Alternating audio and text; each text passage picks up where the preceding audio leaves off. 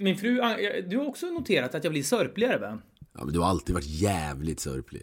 Ja, jag har alltid varit det. Vad fan pratar du om? Det har jag väl Du inte? sörplar alltid när du dricker Coca-Cola. Det snackar alla om Nej, nej.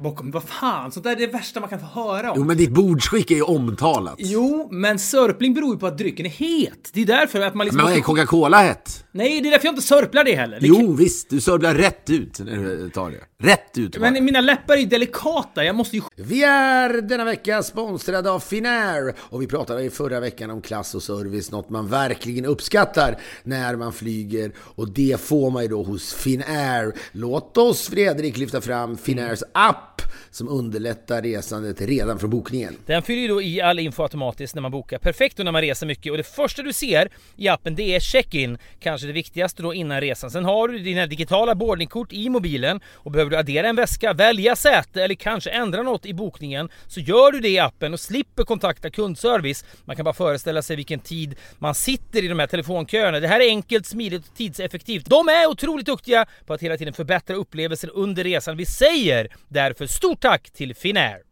Vi är denna vecka sponsrade av Blocket och låt oss, kan verka lite dystopiskt men tycker ändå det funkar, prata om dödsbädden. Vi kommer ju alla ligga där en dag och reflektera över våra liv och vi kommer då ångra många saker. Eh, bland annat att vi inte köpte den där drömbilen som fanns i våra tankar under så många år. Ja, men kanske den där opraktiska sportbilen då som var en dröm från barnsben. Sen blir man vuxen med barn och så får man inte köpa en sån där bil. Men man skulle fan bara ha gjort det så att man inte ångrar det när man ligger där då. För på Blocket finns då bilar för alla med Sveriges största utbud av bilar till salu från privatpersoner som såväl bilhandlare. Gå in på blocket.se slash bilar och köp drömbilen på Blocket. Vänta inte så kan man då bocka av den på dödsbädden i alla fall. Det tackar vi Blocket för.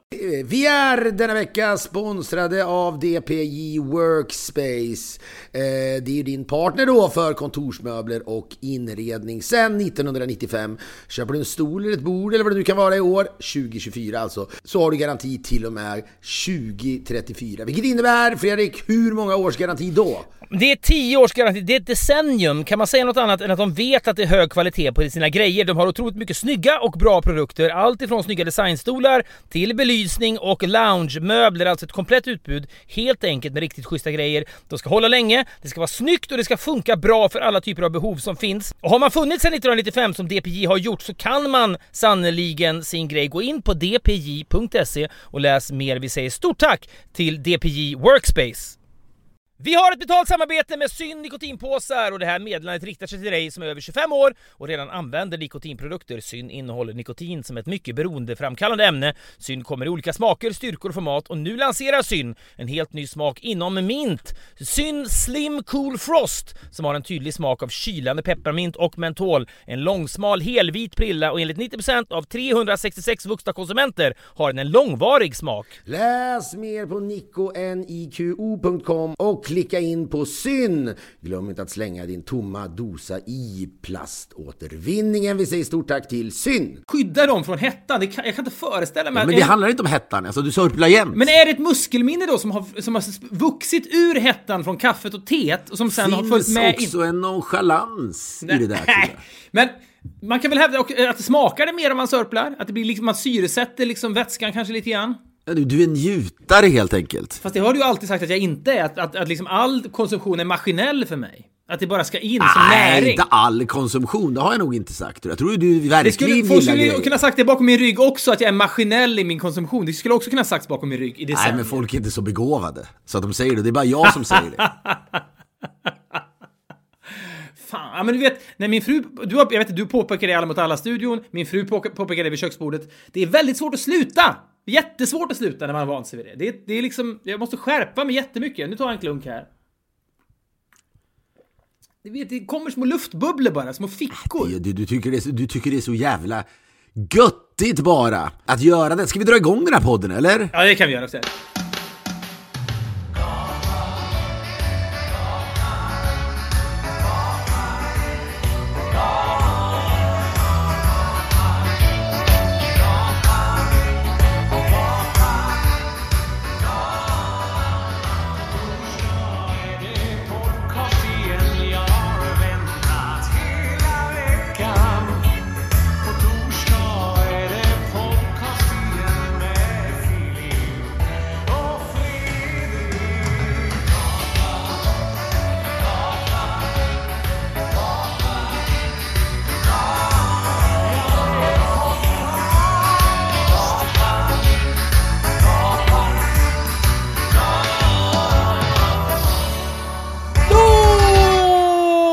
välkomna till Filip Fredriks podcast i dessa märkliga tider. Vi kanske kommer att säga det så länge det är märkliga tider. Det kommer vi kanske inte orka för tiderna kommer att vara märkliga längre än vi skulle önska att de är märkliga, tror jag. Så vi får väl helt enkelt bara kanske glömma att göra en ny tradition. Ja, man har ju ruttnat. Tyvärr är det ju så. Man har ruttnat, vad verkligen. man har ruttnat alltså. Ja men på ett sätt, min kompis skickade ett eh, eh, mest till mig häromdagen, babyleg, som du och jag har träffat. Mm. Då hade han gått igenom sin telefon på något sätt och sa han It's been 110 days since we drank tequila together. Mm. Det bara kändes så jävla deppigt. Ja, jo, visst, det är ett sätt att se på det. Absolut, det är det ju.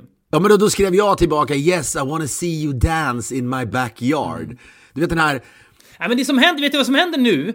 Det som ändå formas, det kanske på ett sätt, man, man letar liksom olika så här eh, välsignelser i allt detta och det tror jag att, liksom att folk börjar använda sin fantasi mer än vad de gjort vanligtvis för att det blir, det, det börjar födas målbilder i folks huvud. När det här väl är över, då ska Babyleg dansa på, i Philips backyard Du kan se det framför dig, eller Ja, hur? jag har ju träffat Babyleg ganska lite. Jag, är så, jag, är liksom, jag vet ju varför han kallas Babyleg, för ryktet sägs att, att han är välhängd och att, att hans penis är som ett, en bebis ben, det har vi pratat om tidigare. Han var tidigare roddare till Will Oldham, Ja. eller turnéledare. Ja, Will Oldham är så okänd så det är knappt det är någonting att prata om. Ja men det är han som mässar till mig, för det är intressant. Hur, vad, vad, vad är liksom chockande i coronatider? Självklart då, nu spelar vi ju in det här det är tisdag och podden läggs ju ut på torsdag. Så vi vet ju inte vad som har hänt med Boris Johnson.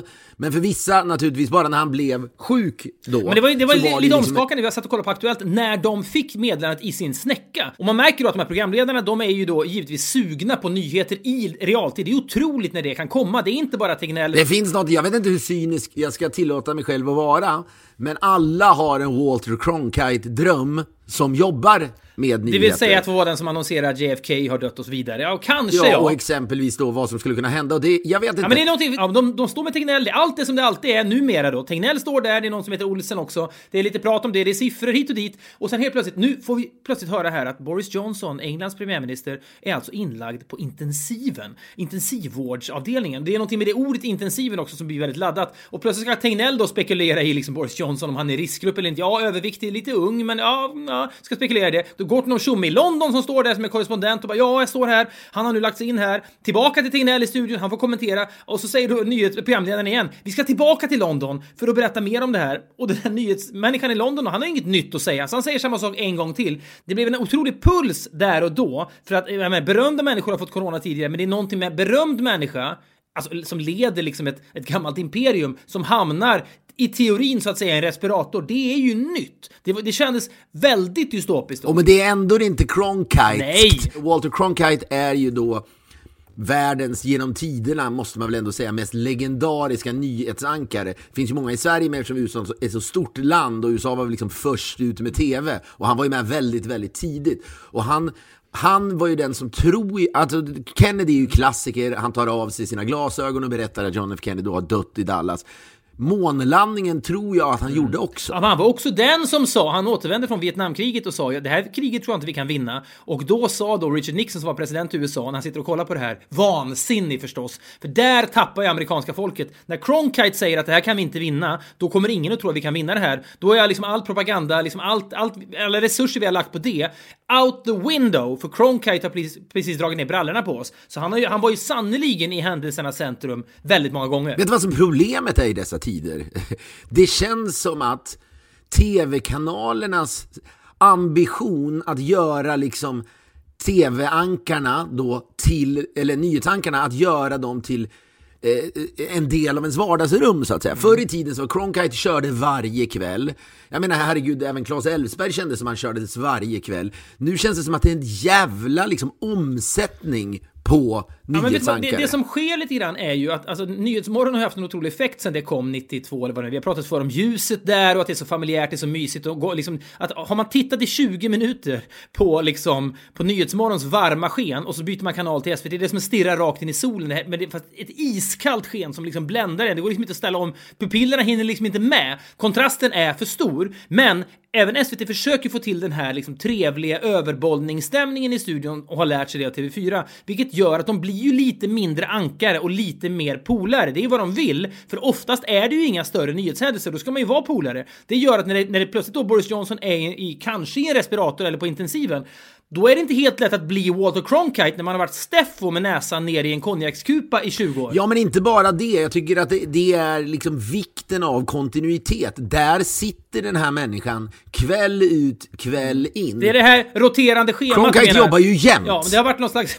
manpowerifiering av nyheterna de senaste åren. Vi skiter i att diskutera de liksom internationella nyhetsankarnas Ja, familjesituationer. vi, vi väljer att lämna den åt sidan. Och den frånvarande aspekten Men det är som, det är som eh, vad heter Anderson Cooper på CNN. Nu ska man veta att de här liksom kabelkanalerna, de personerna blir ju aldrig lika legendariska som rikstäckande nyheter så att säga. Men han har ju inga barn då, eh, Anderson Cooper, och det kan kännas som att det, det, det, är det är ett bra beslut med tanke på att han just nu känns det som att jobbar i alla fall 17 timmar per dygn. Mm. Det kanske var som med Cronkite att han ändå släntrade in vid fyra tiden bara. Ja, men det, det var ju inte skrivet i sten att han på morgonen lämnade på dagis. Det tror jag Men det gjorde ingen på den. På, den, på liksom månlandningens tid fanns det väl ingen man som lämnade på dagis? Nej, det hände, det hände aldrig. Fråga Walt, Cronkite, han gör liksom, nu är han väl död, men just på slutet, hur ofta lämnade du på dagis? Om en svensk journalist skulle fråga honom det. Det är lite som den här norska journalisten som sitter på Tegnells träffar nu klockan två och har liksom munskydd på sig i någon slags protest över att visa att vi Norge, vi hanterar det här bra vi. Att, att komma med den liksom fish out of water svansföringen. Så Ica till- Johannesson gör en intervju med Walter Cronkite i himlen för, för tidningen liksom Filter. Hur ofta lämnade du på dagis? Ja, precis. Vi ska prata om dina bedrifter senare och alla dina priser och så vidare. Men först av allt vill vi veta detta. Hur ofta lämnar du på dagis? Cronkite reser sig upp, lämnar bordet, kommer på att han är i himlen, han har ingenstans att ta vägen. Han visste inte ens att hans barn gick på dagis. Nej, nej, nej. Ingen aning. Vi är denna vecka sponsrade av ATG. Hörni, påsk och trav, det hänger ju intimt ihop. Det är speciellt alltid när påsken närmar sig och travet då växlar upp. Och travet är ju förhållandevis än så länge opåverkat av de märkliga tiderna vi lever i. Tävlingarna pågår, folk är ansvarsfulla, det är ingen publik på läktarna. Man kan följa detta på distans, man kanske sitter med kompisar över Skype och tittar på det här ihop. Det finns ju massa olika sätt att följa de här spännande tävlingarna. Men det som är speciellt med påsk är att det är inte V75 en gång, utan fyra gånger under påskhelgen. Och det avslutas då med en multijackpot med minst 70 miljoner i Det potten. känns som att man kan sitta då framför datorn med sina polare och egentligen inte göra något annat än att eh, eh, då titta på trav under hela påsken. Jag tror det är precis sånt där fan man måste ägna sig åt nu. Man måste eh, stanna upp och bara tycka att förströelsen är det som är det som eh, många, kanske, eh, många gånger kanske får en att må bäst. Och det är där ATG då kommer in i bilden. De bjuder alltså på trav torsdag, fredag, lördag och söndag. Och söndag då alltså multijackpot i Romme, eller Romme beroende på hur man vill uttala det. Alltså multijackpot 70 miljoner i potten minst. Man måste vara 18 år för att spela. Man kan kontakta stödlinjen. Vi säger stort tack till ATG.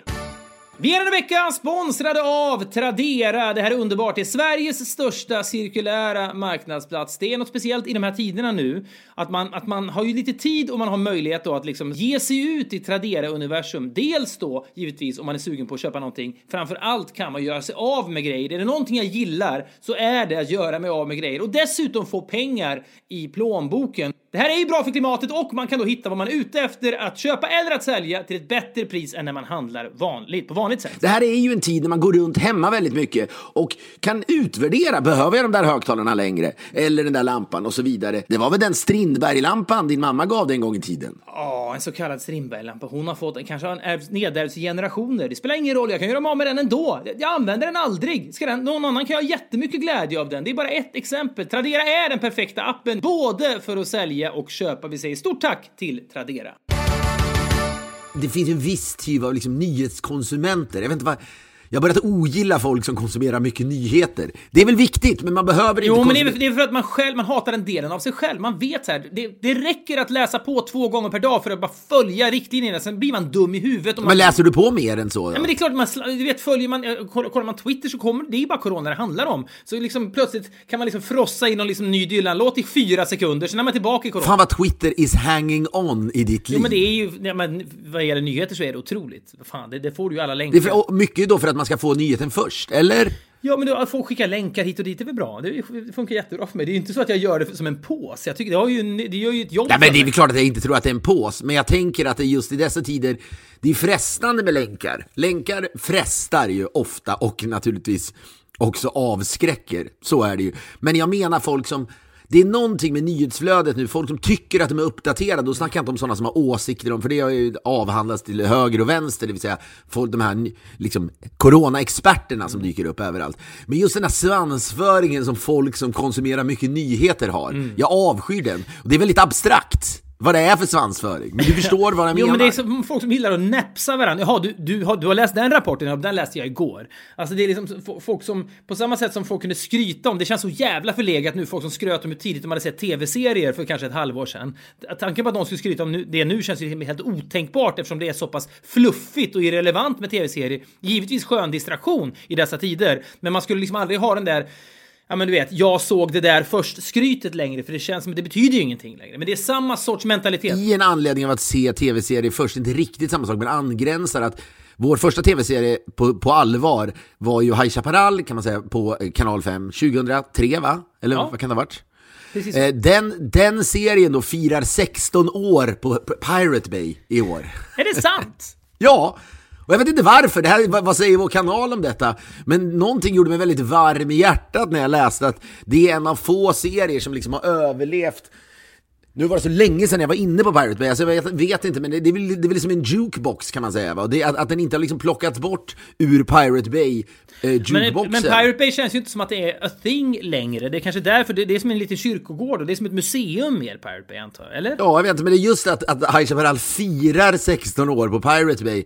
Och det som är all, allra lustigt var att jag fick alltså ett mail av en av Pirate Bay-grundarna. Är det sant? som eh, Peter Sunde som alltså eh, så här, eh, skrev “Jag vet inte hur du ska tolka det här” eller något sa han. Han är ju liksom, han är ju helt ny karriär och lämnat det där bakom sig. Men, Men är inte, Per- heter han Peter eller Per Sunde? Peter Sunde. Peter Sunde, det känns som att han och de andra Pirate Bay-killarna under en kort tid var de liksom lite Tegnell, fast i en helt annan målgrupp givetvis. Det vill säga att så här, fildelning och liksom copyright och upphovsrätts tjosan hejsan, det var liksom på allas läppar ett kort, kort tag. Det fanns ingen pandemi då, då hade det ju sannoliken hamnat längre bak i dagordningen. Men det där lilla gänget, det var rättegångar hit och dit. De var liksom så här symboler för en ny tid, precis som ja, Tegnell-jämförelsen haltar givetvis, men de var ändå ett otroligt Ja, blickfokus. de var ju mer revolutionära. Ja, men hade någon sagt då att om liksom 14 år, 10 år kommer en av de här människorna att mejla Filip och gratulera, då hade man känt wow, är det sant? Ja, men det var ju rockstjärnor på sitt sätt att utmana ett eh, etablissemang. Så på så sätt, visst, Tegnell, rockstjärna, men han, ja, och vad fan, han utmanar kanske också något etablissemang med sin liksom attityd. Med sin svenska strategi, absolut. Jag menar, det är ju som det vi pratade om förr, men det kan gå hur som helst. Vi vet ju inte än. Det är som någon sa, man kan inte hålla på och mäta siffror dag för dag. Det här, vi jämför det här om ett år. Det handlar inte bara om dödsfall från dag till dag. Vi jämför det här om ett år. Det finns hustrumisshandel, det finns barn som far illa, det finns ekonomi att ta hänsyn till. Vi jämför det här om ett år. Och, men det, och det, ligger, det på något sätt står ju i bjärt kontrast till folks, eh, eh, vad folk vill veta. För det som har blivit, alltså så här, Alltså jag vet inte, jag det antar att det inte finns, men det känns ju som liksom antalet dödstal per dag skulle kunna, man skulle nog kunna liksom spela på det på Betsson, känns det som. Åh, fy fan. Jo men alltså, och, och det låter ju hemskt visst. att säga det. Jag, Nej, men du har, så här, det skulle ju inte gå av liksom så här, eh, det sk- det skulle bli ramaskri förstås, men det är klart. Bets, vad fan, vilket jävla nätkasino som helst skulle kunna säga så här, ja, tror ni det blir fler eller färre än 50 dödsfall i Sverige imorgon? Det skulle folk liksom tänka sig att spela på, vilket ju är Ja, jag tror vi kunde spela på exakta dödstal också. Så att säga. Det kunde finnas alla möjliga genrer. Alltså i New York, du kan ju liksom bryta ner det, hur många dödsfall är det i Chicago? Eftersom det är... Eh, så, så, så, så jag menar att, att den här typen av långsiktighet i en bedömning Ja, men av... långsiktighet är omöjligt i det här liksom 24 hour news cycle vi lever i, det vill säga vi får uppdatering hela tiden. Då är det omöjligt att, att anlägga det perspektivet. Men det är klart att Tegnell, rätt eller fel, att han tror så hårt på sin linje och den linje han och hans gäng har Han tagit är fram. Pirate, Pirate Bay verkligen. Eller? Han är ju Peter, Per eller Peter Sunde vad han nu heter. På sitt sätt är han ju det, för det där är- grävs ju liksom... Folk tycker att han är dum säkert, människor skakar på huvudet, vad håller han på med? Eller vad håller de på med? Men det krävs ju mod att stå emot en sån liksom tsunami av åsikter som han ändå gör. Det kan som sagt visa sig vara dumdristigt, men det är klart att det är lättare på ett sätt att bara säga okej, men vad fan, vi gör som Norge och Danmark då, så blir det inget mer väsen. Och jag vill inte ha det här på mitt samvete, så på så sätt får man ändå ge honom att det liksom, tsunamin av åsikter här, det är liksom Lars Ulrik i Metallica som vrålar på Pirate Bay-människorna för liksom 15 år sedan. Jävlar vad arg han var. Framförallt var han väl arg på Napster, Ja, Lars det var det verkligen. Det var, han var superarg på Napster. Så blev han ganska impopulär på grund av det. Men det är någonting med de här dödsfallen. Det blir liksom som en, det är en streckstrid. Det är som en streckstrid i allsvenskan. Man slåss om Champions League-platser eller man slåss om att liksom åka ut ur, ur liksom Premier League eller allsvenskan. Det är så de här dödstalen varje dag jämförs på något märkligt sätt. Ja, och det, jag tror att problem, långsiktighet är alltid problematiskt någonstans. När, jag vet, det går väl inte att applicera på allt, men just det där vänta och få se. Det är väl därför hela liksom, forskarvärlden är så komplicerad att, att, att relatera till. För I och med att det är mycket snabba, snabba beslut, många länkar på Twitter. Det tar en sekund innan du får reda på att Boris Johnson ligger på intensiven. Och en, en forskare, just den här ångesten när de säger att det tar minst ett år att få fram ett vaccin. Vi tycker ju just aldrig har världen varit mindre rustad för långsiktighet tror jag. För nu vill vi bara ha bra snabba beslut och att någon ska säga nu är det här över. Jag håller, på precis nu, jag håller precis nu på att plåga mig får jag ändå säga. Jag har försökt med mycket böcker här nu på sistone. Selma Lagerlöf, tjock lunta om henne. Nej, det blev scroll deluxe med den. Nu då plågar mig igenom en bok om Alfred Nobel och hans märkliga värld som den heter. Den är ändå bättre och ganska intressant. Men det som är grejen med honom är ju då, han uppfinner då dynamiten, nitroglycerin har funnits innan, krutet har sannoliken funnits i hundratals år, kineserna så vidare. Men han paketerar det här då i form av eh, dynamit och det är dödsolycka efter dödsolycka. Alltså han har så många liv på sitt samvete när det här nitroglycerinet har hanterats då eh, dåligt så att det är liksom fem pers dör på Irland, 35 fem pers dör i Grekland när något jävla skepp har fraktat nitroglycerin lite slarvigt. Lämnar han på dagis eller Alfred Nobel? Nej, han var faktiskt barnlös. En stor sorg i hans liv att han, han träffade aldrig någon kvinna. Han satte till och med in en kontaktannons i en tidning när han liksom började närma sig toppen. Jag behöver en kvinna typ att umgås med. Det är en legendarisk så här, kontaktannons i någon schweizisk tysk tidning vad det nu var. Men... Någon slags forska, forskarvärldens Gustav Fröding. Han kände, Fröding kändes ju också väldigt ensam. Men ja, Fröding hade väl åtminstone hororna? Men det hade nog Nobel också om vi ska vara helt ärliga. Ah, jag tror Nobel var för jävligt... Han, jag känner, han känns asexuell när man läser om Ja honom. men vad, om det var då asexuell, okej så han, han letar egentligen sällskap bara då? Ja, men han kändes, han känns lite märklig på många sätt. Men poängen är bara att hade nyhetsflödet 1867 eller vad det var, när han uppfann dynamiten, varit lika snabbt då som det är nu, då hade han ju inte fått en chans. Då hade han ju liksom, det hade blivit Facebook-uppror och så vidare. Det kanske också hade varit rätt. Behöver vi ha dynamiten? Ja, det var väl bra med tunneln genom Alperna och så vidare. Men dynamiten har ju dödat så många människor i krig så det liknar ingenting. Och med Nobelpriset är mysigt och så vidare. Men det är någonting, han hade ju liksom döds... Det kunde ske en olycka i Grekland, sen är han i New York, så det kommer ta liksom tio dagar innan nyheterna når New York, så han kan liksom skriva på lite papper under tiden. Det fanns ju då en grogrund för framförhållning och att man kunde då lita på sina planer lite mer. Jo men jag menar också, att vi har väl pratat om det, jag tror vi har snuddat vid det tidigare, men det är så märkligt i forskarvärlden, som jag säger, det tar ett år för ett vaccin och att det kan ta, eller det kanske säkert kan ta ännu, äh, ännu längre. Men att, att, att, att det här, äh, att ägna sig ett, ett helt liv åt att ta ett myrsteg och ändå vara var nöjd med det. Jag kan ju känna en sån oerhörd respekt för forskarvärlden och, även då när, när Trump mot den här liksom Fauci säger vi har snart löst det och inom, en, inom några dagar så har vi någon malaria-medicin till alla som kommer funka. Det finns ju, just i coronakrisen så blir det ju en väldig krock mellan Men instant gratification som man då är van vid. Man kan trycka på en knapp få hem det man vill. Men liksom, snart kan man få det med hjälp av drönare. Det kan liksom, allt kan man få med ett, ett klick bort. Men, men vaccinet är liksom inte ett klick bort. Det gör ju att folk blir galna. Jag förstår. Jo, alltså, men, och jag kan ju också, det är lätt att bara känna, åh vad cool han är Tegnell, eller vad cool Fauci är, vad coola de här forskarna är.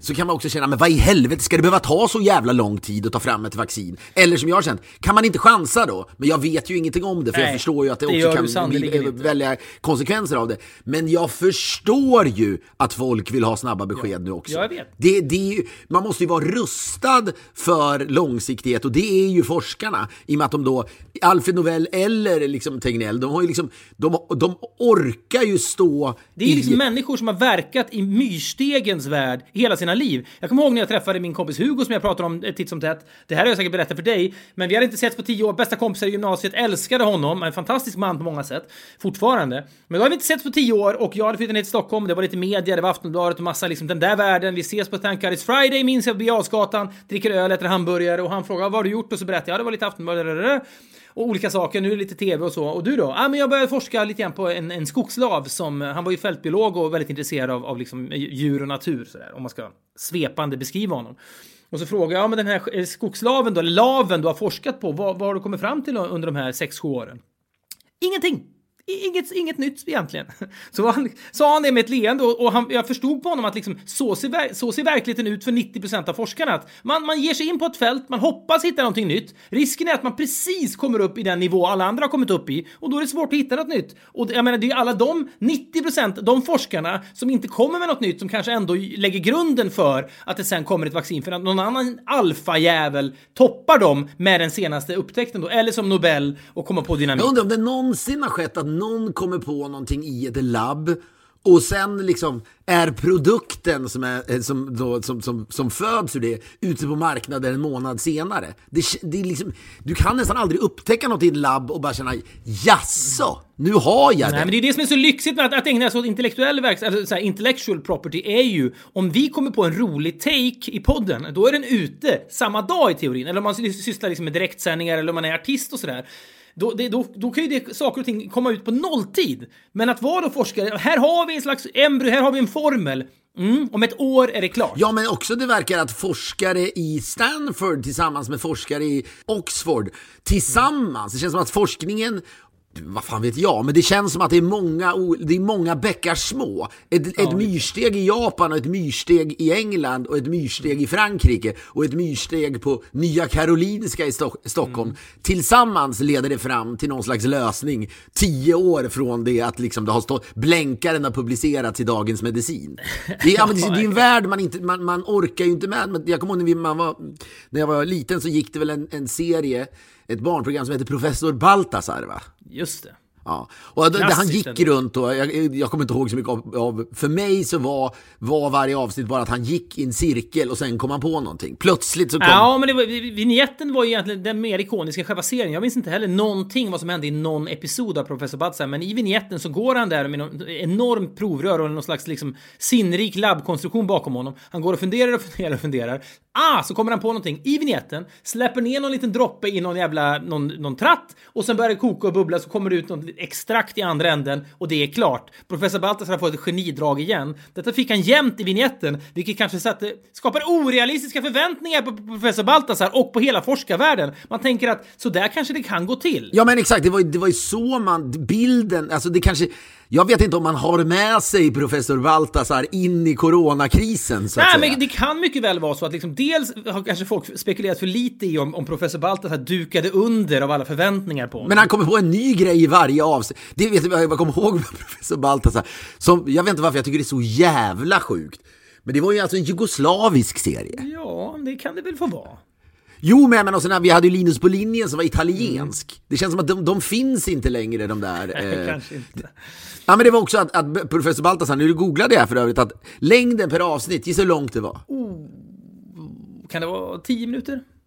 Ja, men fem till tio minuter. Och det, har- nu lanseras ju någon, någon, eh, en ny tjänst som heter Quibi här i USA. Som är då, det är väl underhållning som jag tror, eller bara eh, innehåll då, som får vara, rörligt innehåll som får max vara tio minuter. Ja, och de vill, de vill verkligen att man ska konsumera det på telefonen. Ja, och det var ju liksom Katzenberg bland annat väl som startade Pixar kanske? Tillsammans med Steve Jobs bland annat väl? Ja, men startar han inte Dream... Eller, Ja, det? Dreamworks startade han, Ja, precis, precis, med Steven ja. Spielberg. här. Jag tror att han är en av ägarna här och ingen, alltså, jag tror inget företag i världshistorien har fått in lika mycket riskkapital. Så Man kan fort. diskutera, är det bra eller dåligt tillfälle för dem? Alltså många företagare går på knäna nu, det är liksom Stordalen hit och dit och det är liksom, ah, han är liksom en känd person, men det är, det är, tufft som djävulen för alla. Jag, jag, jag lider med människor som vars liksom filmer har premiär nu, eller böcker kommer ut nu, för det, det, det försvinner liksom i myllret. Men Quibi, möjligtvis, kanske då på samma sätt som Netflix har gagnats av detta, då är ju Netflix liksom, för de har fått Tiger King och Love is blind, det är bra timing inom citattecken, för folk sitter hemma och kan konsumera jävligt mycket. Men Netflix har ju ett upparbetat varumärke. Quibi i teorin är perfekt att lansera nu. Folk sitter med telefonerna mer än någonsin. Men har, är man kapabel att ta in någonting nytt nu är frågan. Orkar man signa upp sig på ännu en tjänst? Så att det kanske är både bra och dålig timing för dem. Jag, jag bryr mig inte så mycket, men det, så kan det vara. Ja, men det är också frågan, så här, nu är man i ett läge, vilka ska man lida med? Mm. Man, man kan inte lida med alla. Du säger man lider för folk som har filmer som har premiärer. Mm. Absolut, men lider man med, med James Bond-producenten? Lider man med liksom Daniel Craig? Nja. Ja, kanske. Men jag, jag skulle bara säga att det är jag vet, det är liksom något varvet runt i att professor Baltasar var quibby, liksom Quibi-kock. Ja, att han var quibby-kompatibel långt före quibby. Och, men det, det intressanta med honom är just det där att om han nu kom på ett genidrag i varje avsnitt, miljoner människor över hela Europa, kanske även i USA om det reste så långt det här programmet, vande sig vid att så där skulle forskare jobba. Det, det är liksom, det är en liten pusselbit, jag är medveten om det, det är inget effektsökeri där. Jag säger liksom inte att professor Baltasar, det går en rät linje från honom till de orealistiska förväntningarna på ett, på ett vaccin. Men det är många små pusselbitar av den typen som gör, och instant gratification-samhället som gör att vi tänker, vänta nu, 18 månader för ett jävla vaccin? Vad fan pratar ni om? Ingenting, ingenting tar ju 18 månader. Fan, Elon Musk kommer ha en människa på Mars om 18 månader. Var är professor Baltasar när man behöver honom som mest? Ja, han går och vandrar i cirklar i en vignett. Ja, men just den där när det bara, är det Eureka-upplevelse eller någonting sånt där va? När det mm. någonting bara ramlar ner, ett svar ramlar ner från himlen. Ja, en polett som trillar ner. Ja, poletten, precis. Baltasar var ju liksom ansiktet utåt för en nedtrillad polett. Ja, vilken dröm att få vara det. Vilket, fan, vilken bra serie. Nu blir jag sugen på att bingea Professor Baltasar. Har Quibi köpt in gamla avsnitt? 59 avsnitt gjordes. Ja, nej, vilket, när, när producerades det? Jag är lite nyfiken. Det producerades, ska vi se, 1967 till 77. Oj! Det måste alltså vara under någon slags Tito-år då också. I någon ja. slags, alltså diktatorisk, eh, diktatorisk eh, så att säga, eh, existens. Miljö, ja. Men är det inte, är det, är det, är det, är det liksom en av Jugoslaviens största exportkällor som man inte känner till? Ja, men, om vi... Han är staty i Zagreb. På... Professor Baltasar. Stor jävla staty ja, säger han. Att de, att, tänk när de skapade Professor Baltasar. Några animatörer sitter liksom långt före John Lasseter och Pixar som tjänar miljarder på sina grejer. Då sitter de där, statlig lön, kommer på den här figuren så får en Eureka-upplevelse, höjer ribban på förväntningarna. Du vet, omärkligt för generationer framöver då på forskare att de ska ha den här typen av Eureka-upplevelser och nedtrillade poletter på daglig basis. Detta gör de, men deras kreation då reser över hela världen och de, jag menar, de, det genialiskt. Jag är jätteimpad. Ja, men jag säga, och det fanns, och, och som, som jag säger, att jag, jag tror det där, jag vill inte, det är ju liksom att dra det för långt, att det har skapat bilden att det är det som gör att man liksom inte orkar höra Tegnell Nej, men jag säger det är, en li, det är en liten pusselbit bara. Men det, det finns ju fler sådana pusselbitar. Man har sett filmer. Jo, men jag tror ändå det var så här, vad är en professor? Det fanns två professorer när jag växte upp. Först var det Baltasar och sen tror jag lite senare kom Kalkyl in i mm. bilden. Professor Kalkyl. I hinten, ja. Det fanns också en till som faktiskt kanske gjorde ett bättre jobb då. Du har glömt en viktig professor.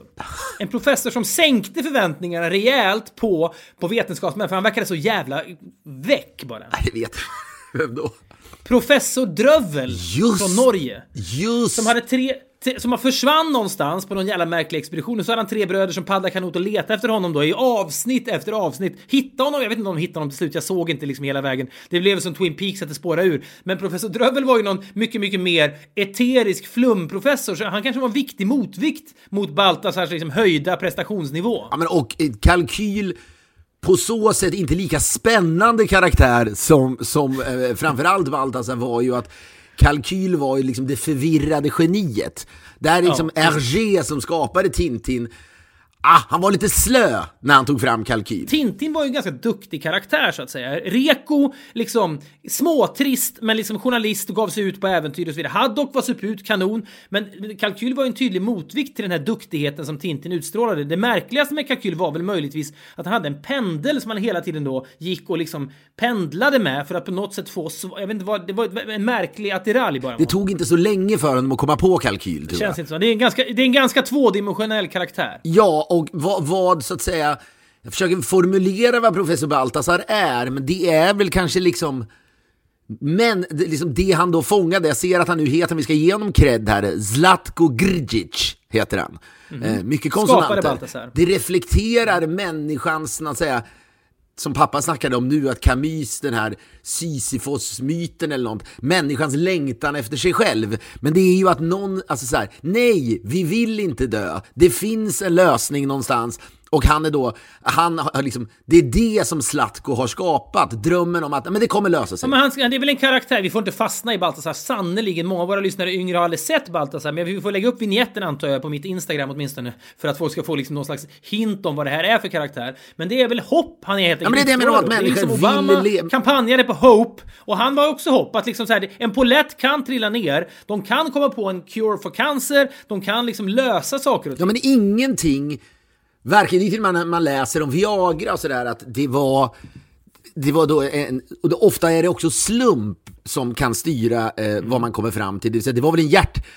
eh, Viagra skapades av eh, eh, hjärtmedicin på något sätt. Man insåg att wow, det här är hjärtmedicin. Det kan också ge, eh, eh, få fart på erektionen. Då låter det plötsligt som en, som en tombola bara. Jaså? Men det är väl liksom, det där kanske... För många sådana historier är ganska obehagligt. Då tänker man okej, det är bara slumpen då som gör om vi kommer att lösa corona eller vad det nu är. Man, man vill liksom inte höra för mycket sådana historier. Att det bara är liksom, ja det här, vi var ute efter det här och så blev det så här istället. Vad kul! Ja, kul på ett sätt, ja. Men kan inte bara göra ett jobb Men istället? jag, men jag tror att forskarvärlden, alltså, så, så, så, nu är ju inte, professor Baltasar är inte top of mind längre, det är kanske bra att vi lyfter fram honom av den anledningen.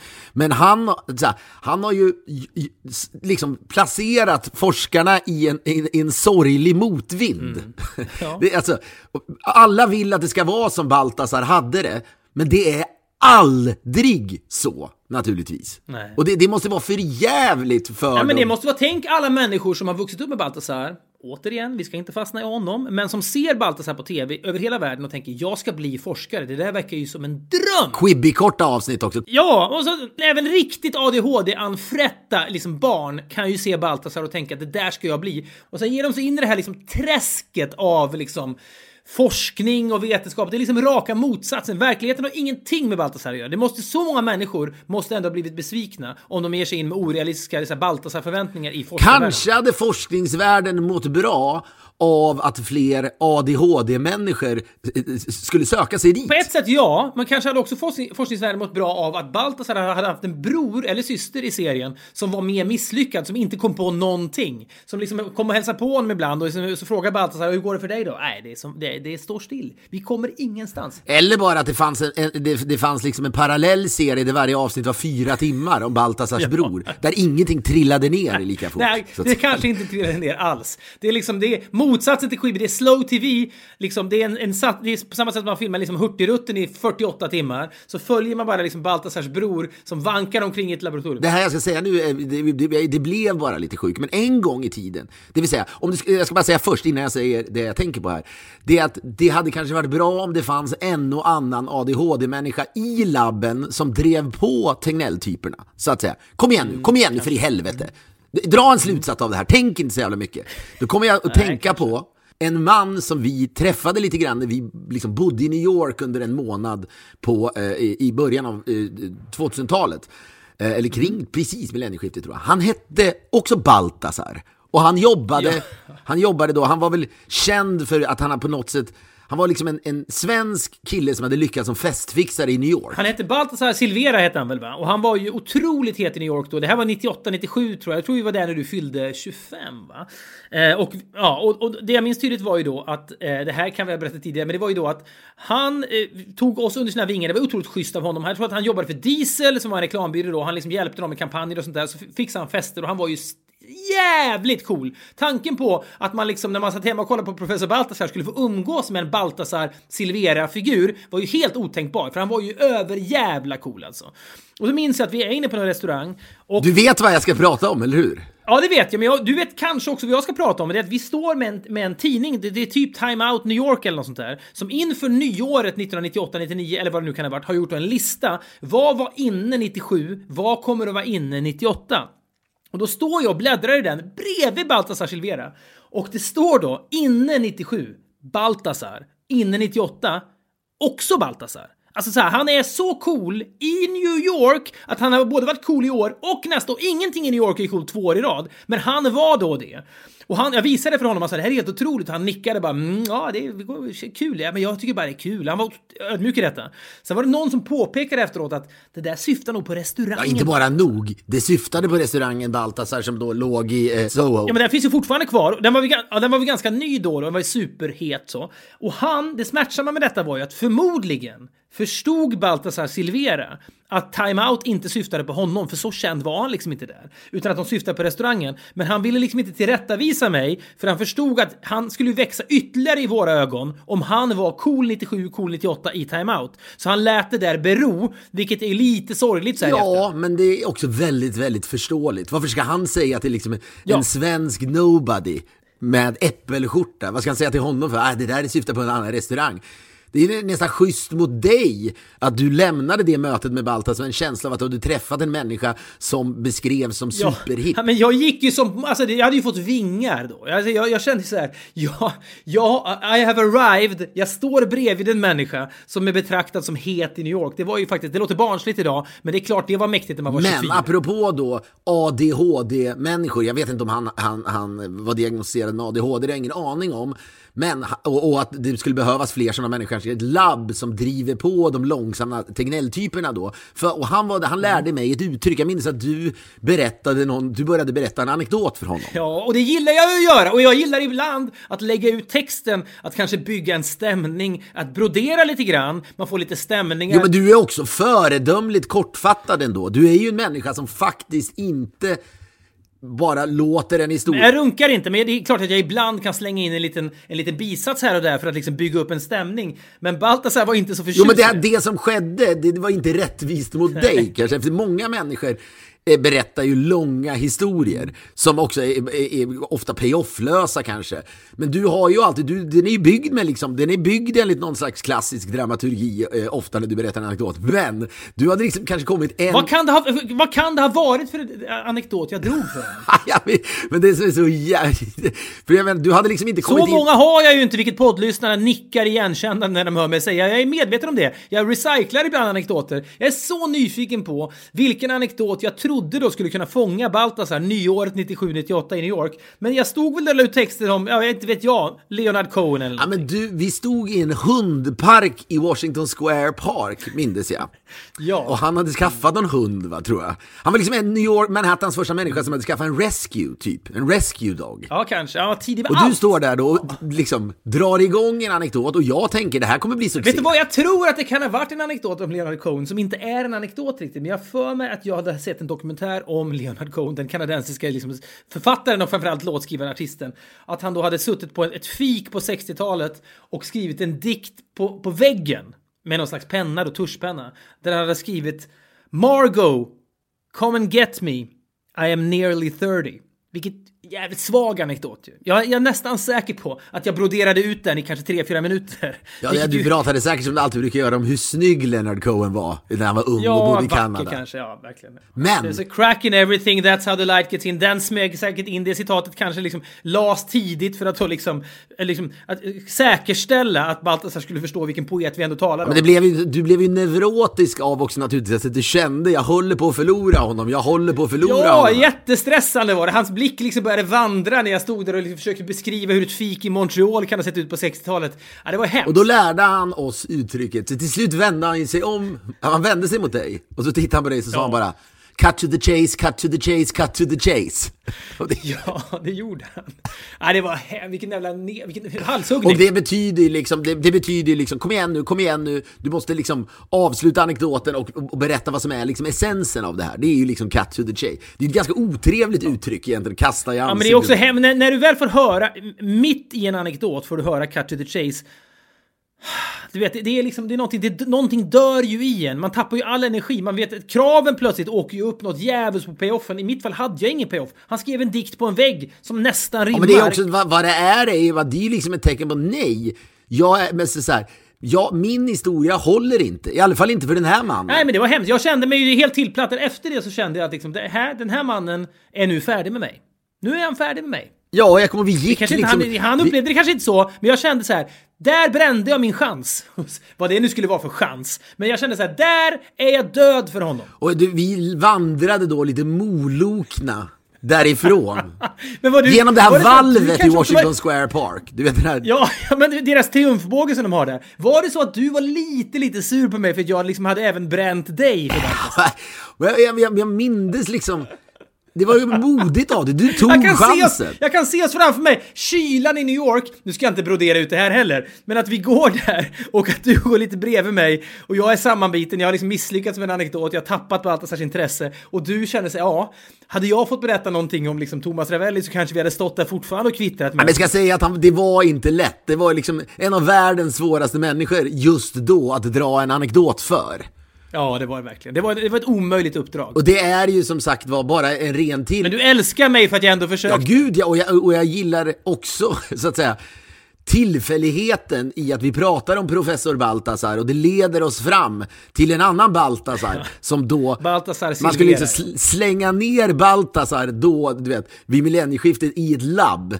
Han hade inte gett någon en chans att förklara någonting. Nej men du vet, han hade ju sagt till professor Baltasar, nu får du inte vandra i cirkeln längre, vignetten är snart slut, det har gått sju sekunder, häll ner vätskan i provröret nu, för något måste hända nu! Och det bara känns då som att cut to the chase är ett uttryck som aldrig används i forskarvärlden. Låt det ta tid. Nej. Slå dig ner här nu och berätta vad du har kommit fram till. Det, jag kan ge dig då att det möjligtvis skulle det kunna vara så att släng in lite Baltasar Silvera-typer i olika labb, i olika forskarmiljöer, så kanske, men så kanske... Kommer till labb på Stanford och någon bara frågar "Ja, vad har du gjort tidigare? Han har varit marknadschef på diesel. Ja, vad gör du här då? Jag säger bara cut to the chase. Nej men det skulle vi, det låter ju långsökt det du säger, men jag kan förstå att bara genom att kasta in den här nya komponenten i den här ganska långsamma, förmodligen då med en anledning är den långsam, men att skicka in en sån katalysator där som bara säger nu säger du snabbare vad du tänker på och du reagerar direkt, då kanske det kommer nya slutsatser de här annars inte skulle nå, så kanske skulle det ändå göra ett jobb och då kanske vi skulle få coronavaccinet på liksom sju minuter. Ja, men det är ju ingen som skulle tillstå detta i forskarvärlden, givetvis. Men det kanske ändå... Välkomna till Aktuellt. Vi har med oss Anders Tegnell och Baltasar Silvera idag. Eh, Baltasar, du är här för att avbryta Anders när han blir långsam. Exakt, han är bara där för att korta hans, liksom, korta hans historier. Men du vet, jag är ju den första att korta människor. Jag gör ju det jämt. Jag liksom mötte ju min överman med Baltasar. Han ville ju korta, du vet, varje andetag skulle han korta. Men, och det där är, som, om, man då cirklar tillbaka det till när vi, när vi pratar här om att, liksom, de, så här, att man skulle kunna tippa på de absoluta dödstalen och så vidare. Det är ju också för att, att så här, vi orkar inte ta in något annat. Det där är ju den liksom cut to the chase-faktorn av corona. Det är liksom, okej. Ja.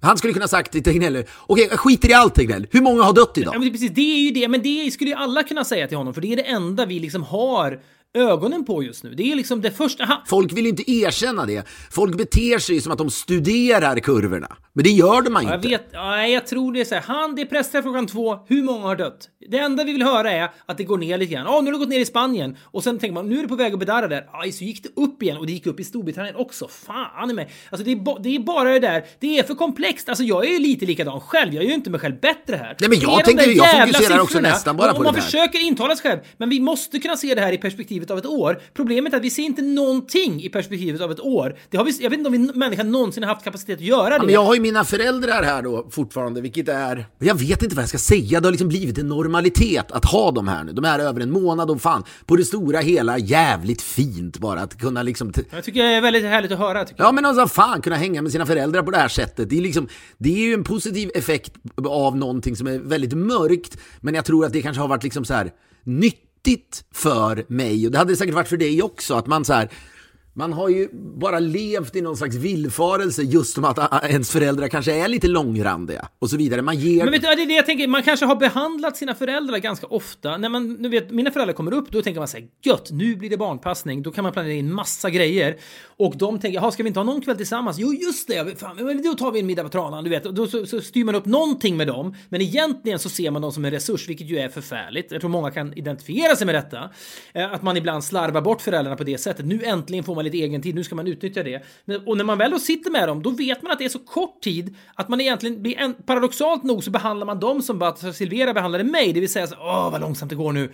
Medan är man med dem längre som du är så kanske man liksom på dem möts i någon slags härlig liksom gegga av Ja, men långsamhet. det blir inte, det är, det är liksom, man har alltid älskat sina föräldrar.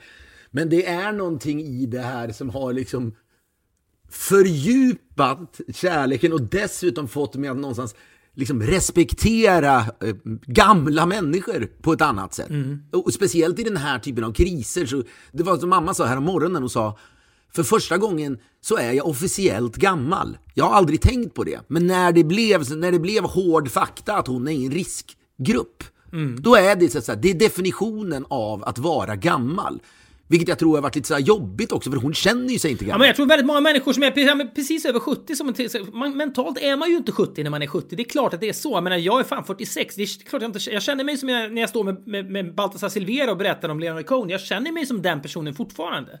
Men, men när man är 70, 71, 72, då kanske man kan lura sig själv lite grann och herregud, age is but a number och så vidare. Men att få höra då, nej, nu är du bland de här. Nu är du i den follan. Även om du bara är 72 nu citattecken, du är ändå i follan. Ja men och som mamma sa också att när hon, när hon då, hon är ute och går nästan en mil varje dag, lite manisk är hon ju, måste man slå fast. Det är väl ändå så, när din mamma går, med, går en mil, då kommer din pappa knappt 100 meter. Nej, det, det är ju lite, lite på den nivån, han går ju bakom. Men hon sa att folk då går i cirklar, eller liksom de, du vet, om, om mamma går på en trottoar så går ju människorna som möter henne över på andra sidan.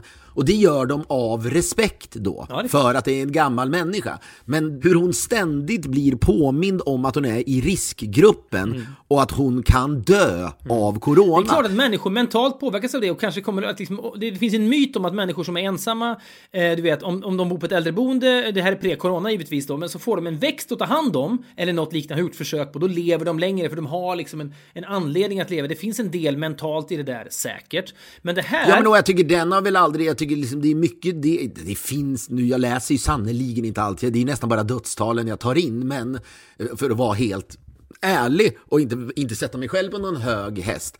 Men ba, det pratas ju mycket om att vi ska liksom rädda den äldre generationen och att de har det jobbigt, men jag undrar liksom just den psykologiska aspekten av att veta att man är i en Ja, riskgrupp. men det, är, det är motsatsen till att sätta in en växt i en ensam människas äldreboende. Det vill säga, jag tror att folk kanske lever kortare av insikten att de är så här dödliga. Även om de överlever corona så att säga, så är det någonting med det här som vi måste göra någonting med dem mentalt. Jag tänker också så här, fan vad många människor som är liksom på andra ställen i världen, det är en självklarhet att ens föräldrar flyttar hem till en när de blir äldre. Vilket är ju något, ja, så här, det är något fint i det också, samtidigt som då vi är inte uppväxta och vi lever inte i ett samhälle där man liksom är riktigt redo för det tror jag. Sannerligen. Det är någonting med, jag, jag ska bara på kort bara nämna här då, att det som har fört mig mina föräldrar, de är ju Trollhättan då, de sitter ju över 70 båda två, morsan har opererat knät, hon sitter inne bara. De tar någon liten kort promenad bara så här.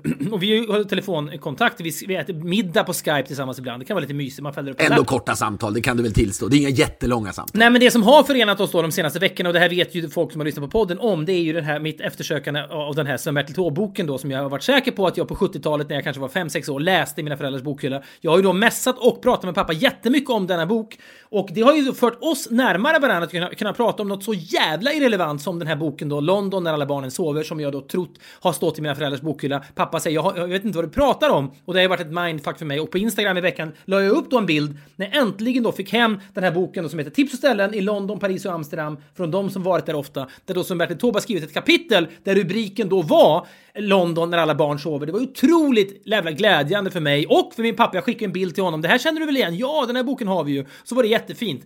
Den eh, bisarraste konsekvensen av detta dock eller bisarraste, men märklig är ju att jag beställde ju så mycket böcker som, som Bertil Taube hade med att göra. Så de, när jag, det här, den första jag får hem innehåller ju svaret på gåtan. Nu måste jag då gå till något jävla ombud och hämta ut bok efter bok. 102... Sven-Bertil Taube förde dig närmare Postnord.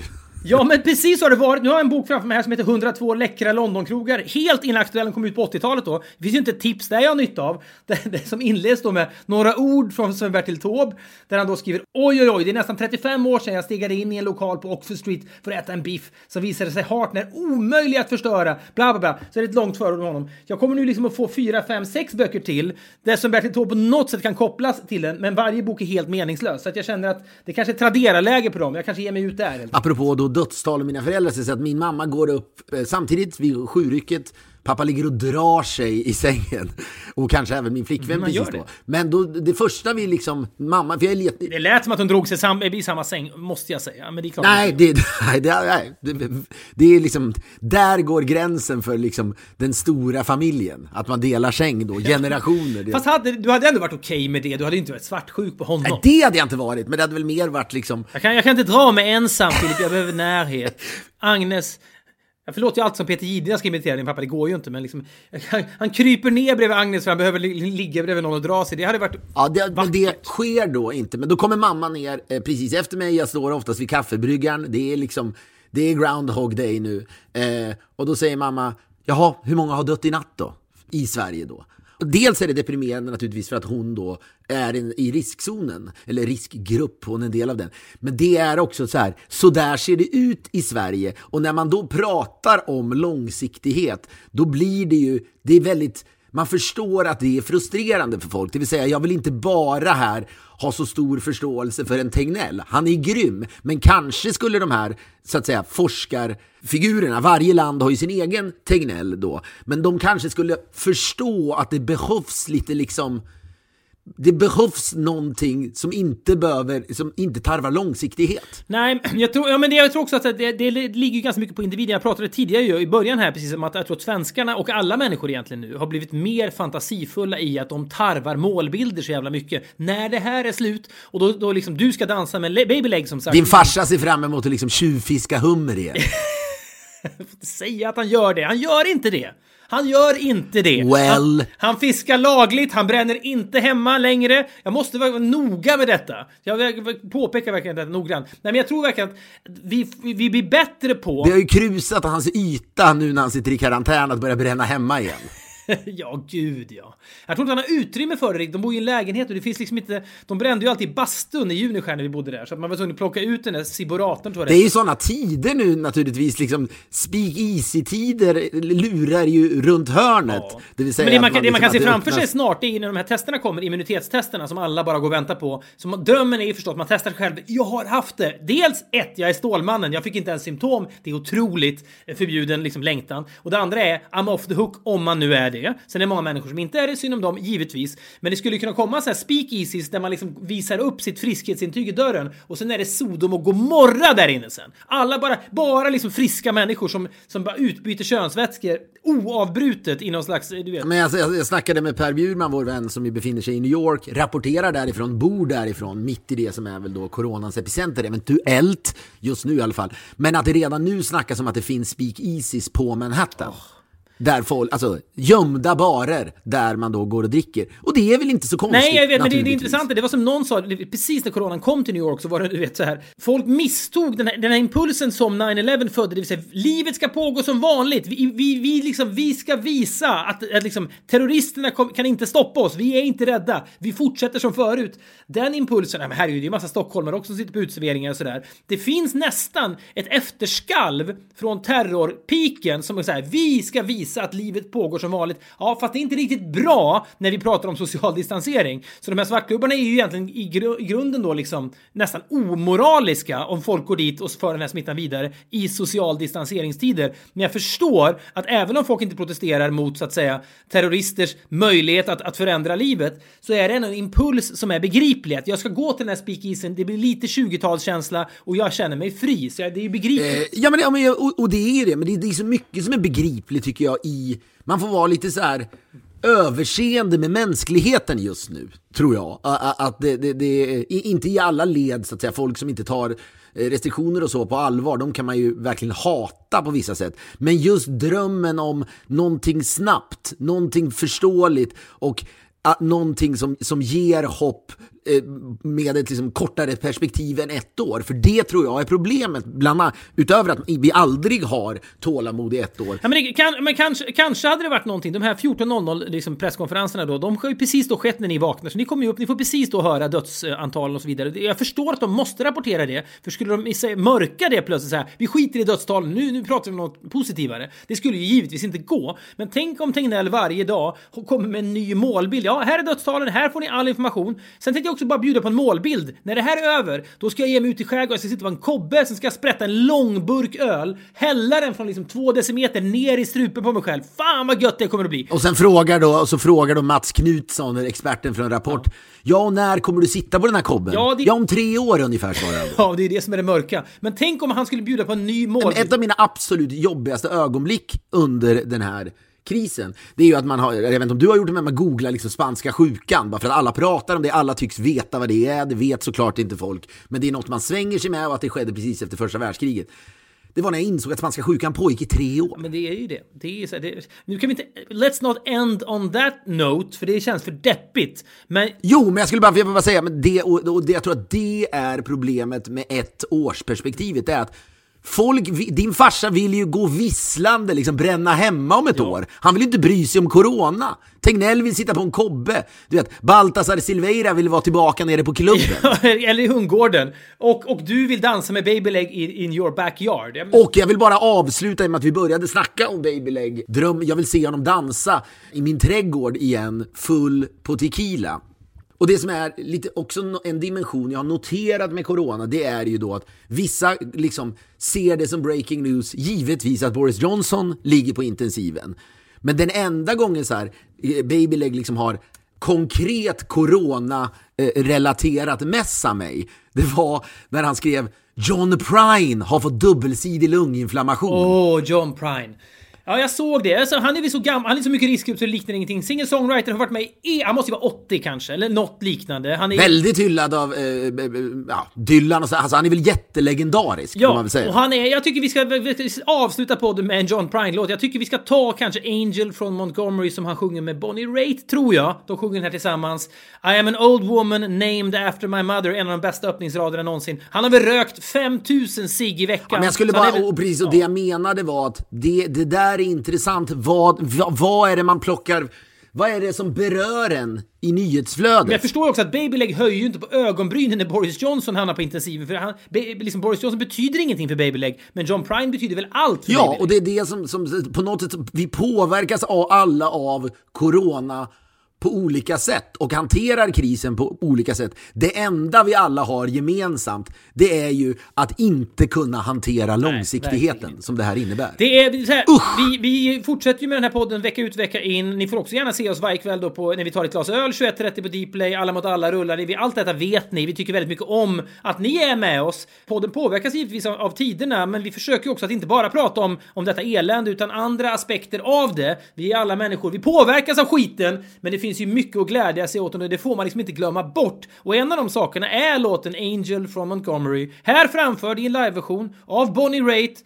och upphovsmannen John Prine som tycks klara sig ur sin coronakris. Njut av den! Sök upp honom på Spotify och ni hör oss igen om en vecka. Vi älskar er innerligt. Ta hand om er! Hej! Ja, så där skulle ju podden ha avslutats var det tänkt och så vaknar man eh, onsdag morgon och det säger kanske någonting om, om det här virusets oförutsägbarhet och alltings jävlighet att John Prine inte alls då har klarat sig ur den här coronakrisen. Plötsligt har han då bara avlidit. Så att det, det kände jag att jag eh, ville bara få sagt i en liten komplettering som jag då gör dagen efter eh, vi spelade in det här avsnittet. Det är för jävligt. Eh, hans musik finns kvar och låten Angel from Montgomery är och förblir magisk. Så jag tycker vi avslutar podden med den. Sök upp John Prine som sagt på Spotify. Det här är en duett med Bonnie Raitt. Den är otrolig och, och fa fan, ta hand om er där ute och njut av detta. I'd like to bring out a friend of mine who wrote this next song, John Prine.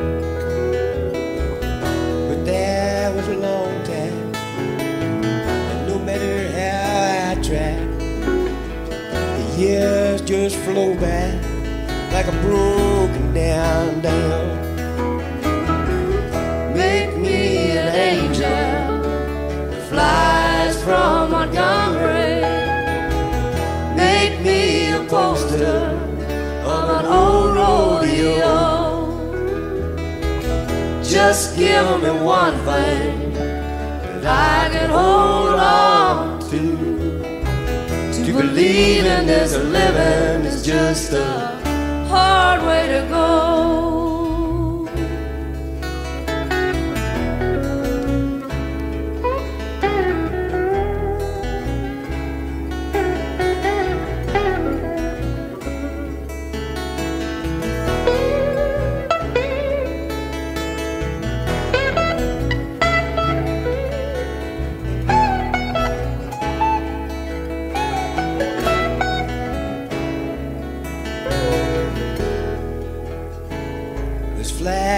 Kitchen.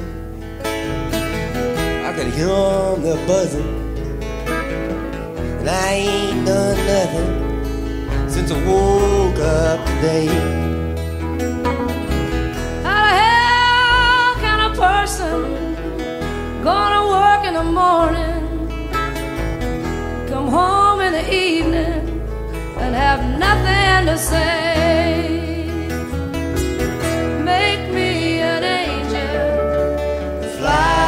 From Montgomery. Make me a poster of an old rodeo. Just give me one thing that I can hold on to. To believe in this living is just a hard way to go.